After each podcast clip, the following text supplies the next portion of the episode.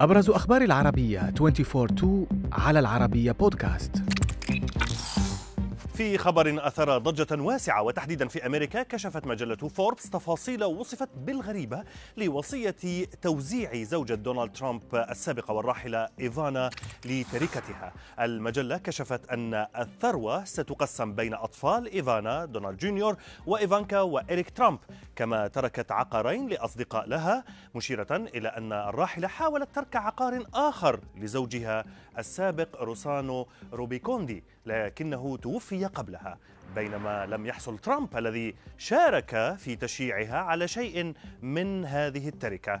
وأضافت التقارير بأن المستفيد الأكبر خارج أطفال ترامب قد تكون دوروثي كاري التي عملت مع العائلة لعقود كمربية ثم مساعدة لإيفانا.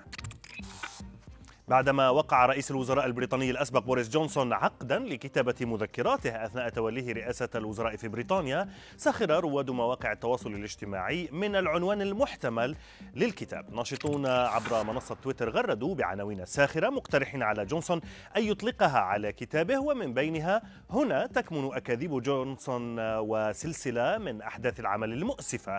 وكانت دار النشر البريطانية التي تتولى نشر مذكرات جونسون قد أوضحت في بيان أن جونسون وقع عقدا لكتابة مذكراته مشيرة إلى أن الكتاب لا يحمل عنوانا بعد لكنها لفتت إلى أن الكتاب سيكون مذكرات لا مثيل لها لأي رئيس وزراء. في حادثة صادمة هزت المصريين فقدت أم ابنها على يد والدها وشقيقيها التوأم بسبب خلاف عائلي على الميراث. الأم المكلومة أوضحت للعربية نت أن والدها وشقيقيها هاجموا سيارة أسرتها أثناء تواجدهم بها وانهال شقيقاها بآلات حادة على الزجاج الخلفي للسيارة حيث مقعد ابنها. أما والدها فكان يهاجم زوجها مشيرة إلى أن السبب هو خلاف عائلي على ميراث وهو عبارة عن قطعة أرض زراعية تبلغ قيراطا واحدا فقط أي ما يعادل 175 مترا مربعا. فيما بدأت السلطات تحقيقاتها في الحادثة. وإلى الفلبين هذه المرة حيث ضبطت السلطات أفراد طاقم طائرة فلبينية بتهمة تهريب البصل والفواكه عبر مطار مانيلا الدولي.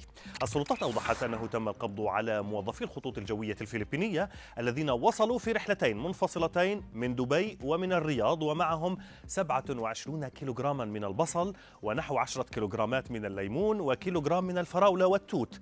وكان مسؤول حكومي فلبيني قال سابقا إن جلب البصل أو أي منتجات زراعية زراعية أخرى في الأمتعة يعد استيرادا حتى بكميات للاستخدام الشخصي. وفق تقارير آه، تؤكد أن سعر كيلو البصل في مانيلا أصبح 11 دولارا مؤخرا.